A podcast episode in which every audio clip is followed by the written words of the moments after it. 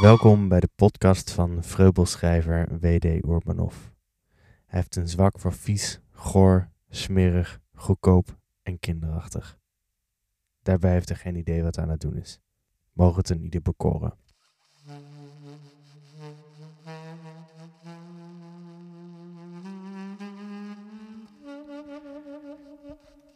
Krokusvakantie in coronatijd.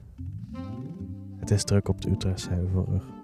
Het lijkt wel of heel Nederland erop uit is getrokken om de eerste zonnestralen sinds maanden te absorberen. De bijna grijs geworden mensen krijgen langzaam een blos.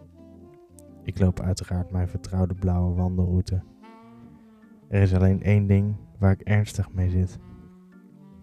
Waar moet ik nu in godsnaam pissen? Alle bomen zijn kaal en waar je ook kijkt lopen kinderen, ouders, oma's, opa's, vrienden, vriendinnen, stelletjes, boa's, mensen met honden, selfie-sticks, kinderwagens, paarden, verrekijkers, mountainbikes, fototoestellen, bluetooth speakers, drones en vliegers.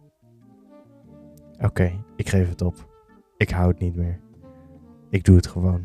En dan, vraag me niet hoe, sta ik toch weer over een spelend kindje heen te zeiken. Snel draai ik mij om en verander ik mijn straal van richting om tot mijn spijt vol over oma te pissen was ik maar thuis gebleven.